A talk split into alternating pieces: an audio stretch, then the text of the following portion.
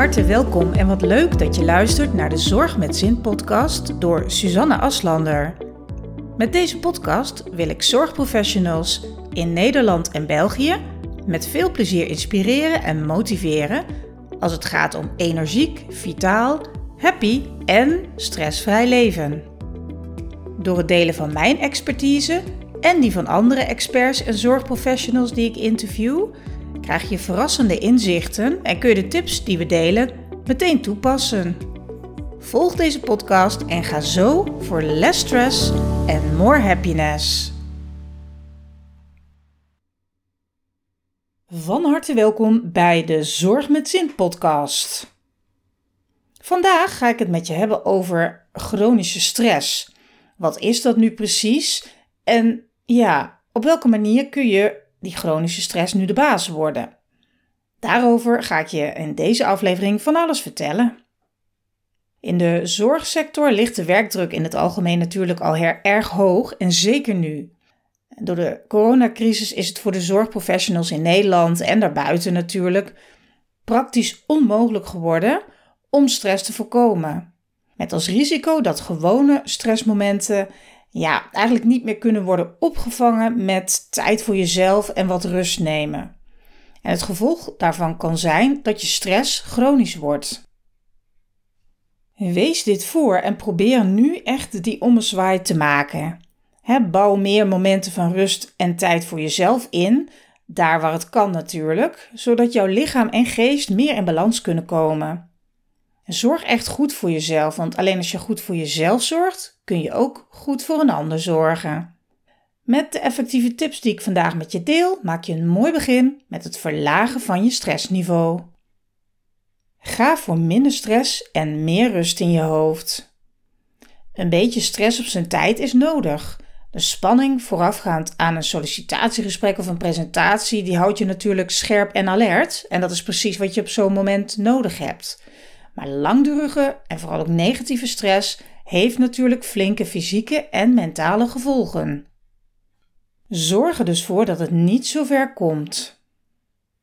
Wist je dat ruim 30% van het totale ziekteverzuim wordt veroorzaakt door werkstress?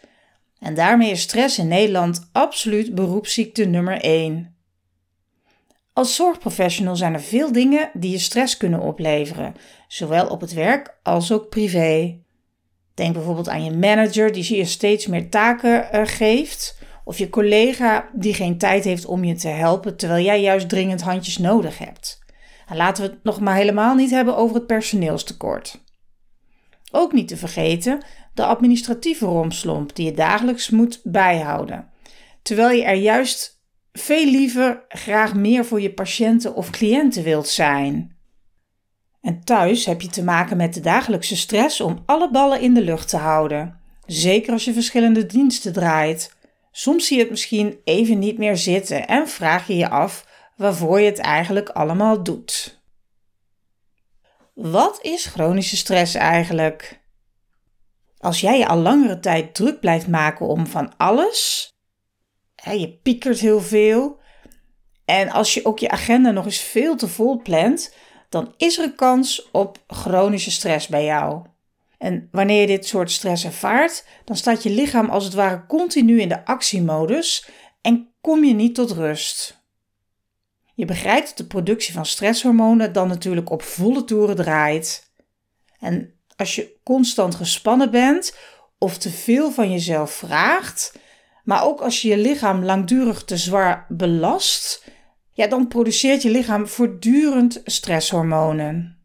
Door de drukte van alle dag de afgelopen periode ligt chronische stress al heel snel op de loer.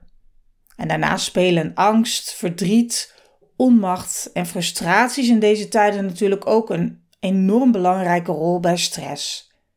Door de crisis, door de mentale druk, personeelstekort in de zorg natuurlijk en het groot aantal extra gedraaide diensten is de kans natuurlijk groot dat je last hebt van de volgende symptomen: stemmingswisselingen, je onzeker voelen, slechter slapen, een slecht concentratievermogen, maar ook vaker emotioneel zijn.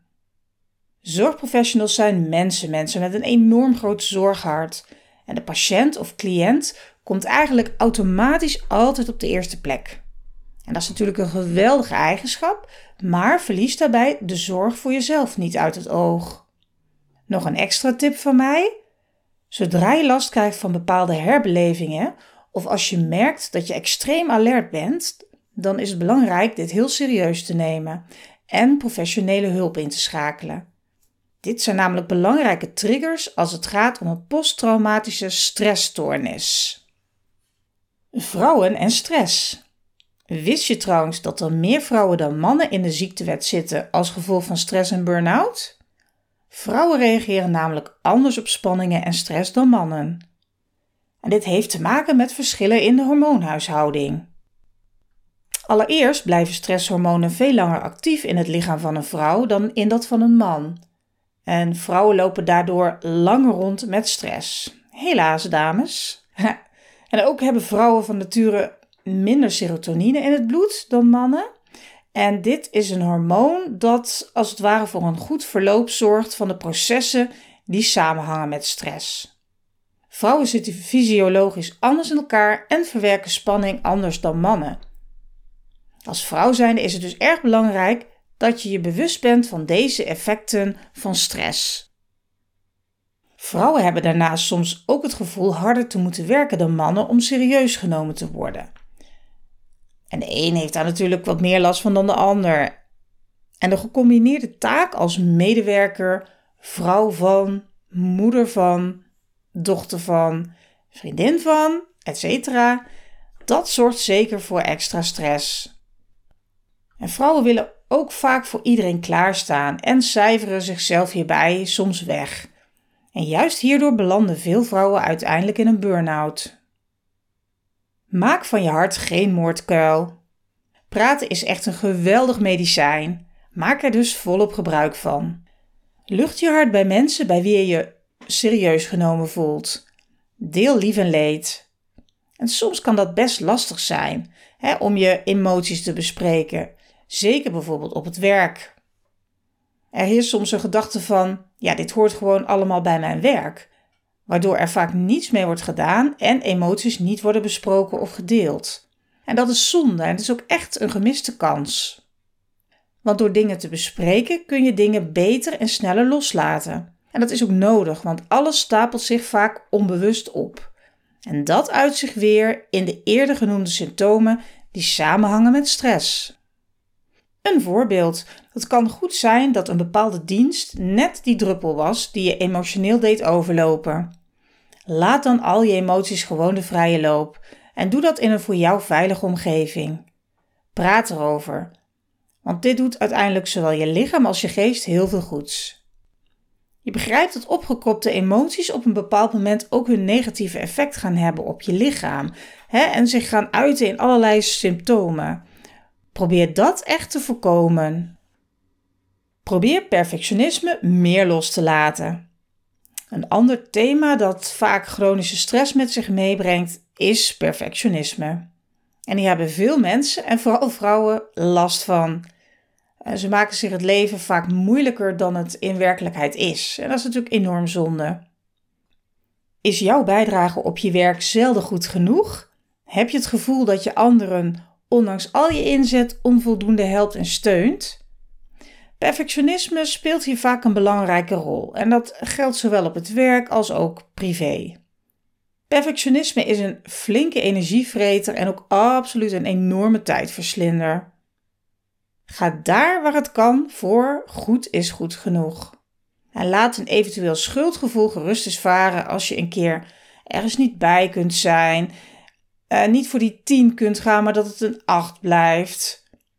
Als je een keer iets vergeet, een foutje maakt of gewoon lekker nee zegt tegen iemand. In het begin is dat misschien wel wat onwennig om te doen.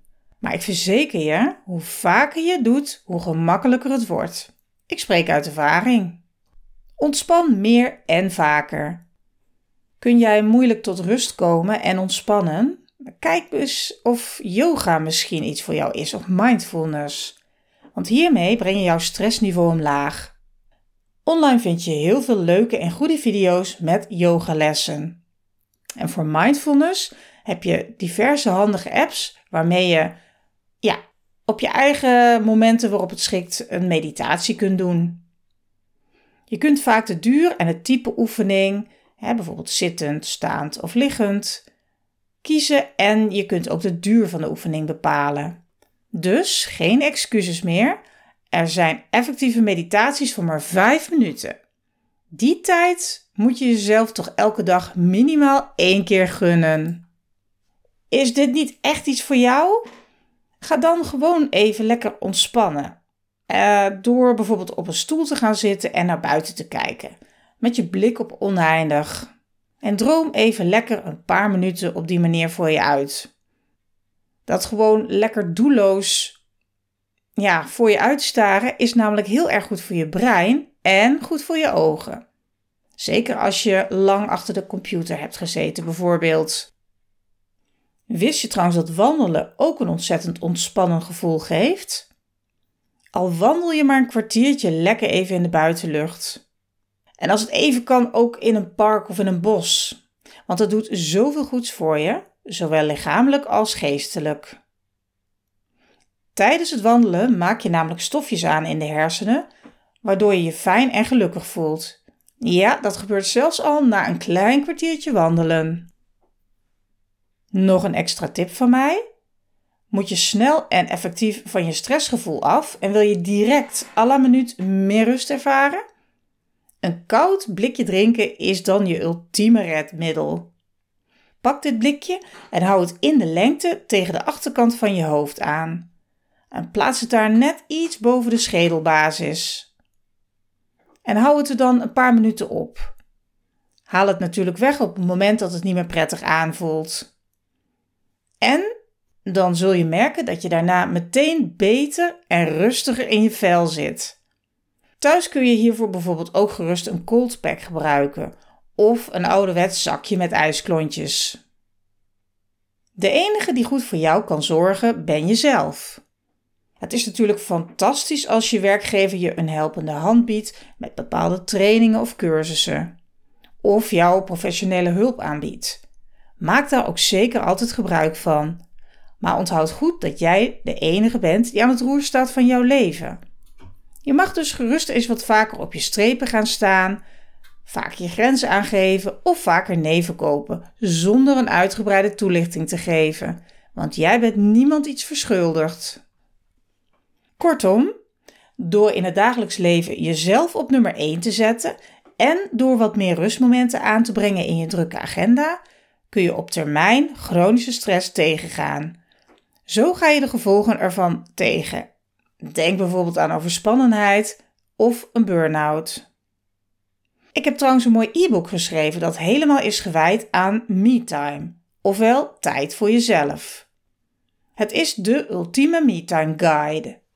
Hierin leg ik uit waarom het zo belangrijk is voor je balans en deel ik veel effectieve tips en oefeningen met je waarmee je zonder schuldgevoel vaker tijd voor jezelf gaat vrijmaken.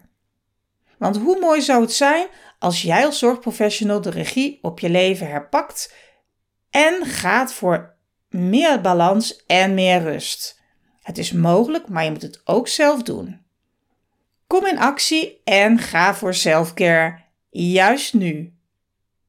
Voor het e-book ga je naar de website www.suzanneaslander.nl slash gratis. Tot de volgende keer! Hartelijk dank dat je afgestemd was op mijn podcast. Wil je graag nog meer inspiratie en motivatie? Abonneer je dan via de knop volgen. Heb je vragen over deze podcast? Of heb je misschien een onderwerp dat je graag behandeld wilt hebben?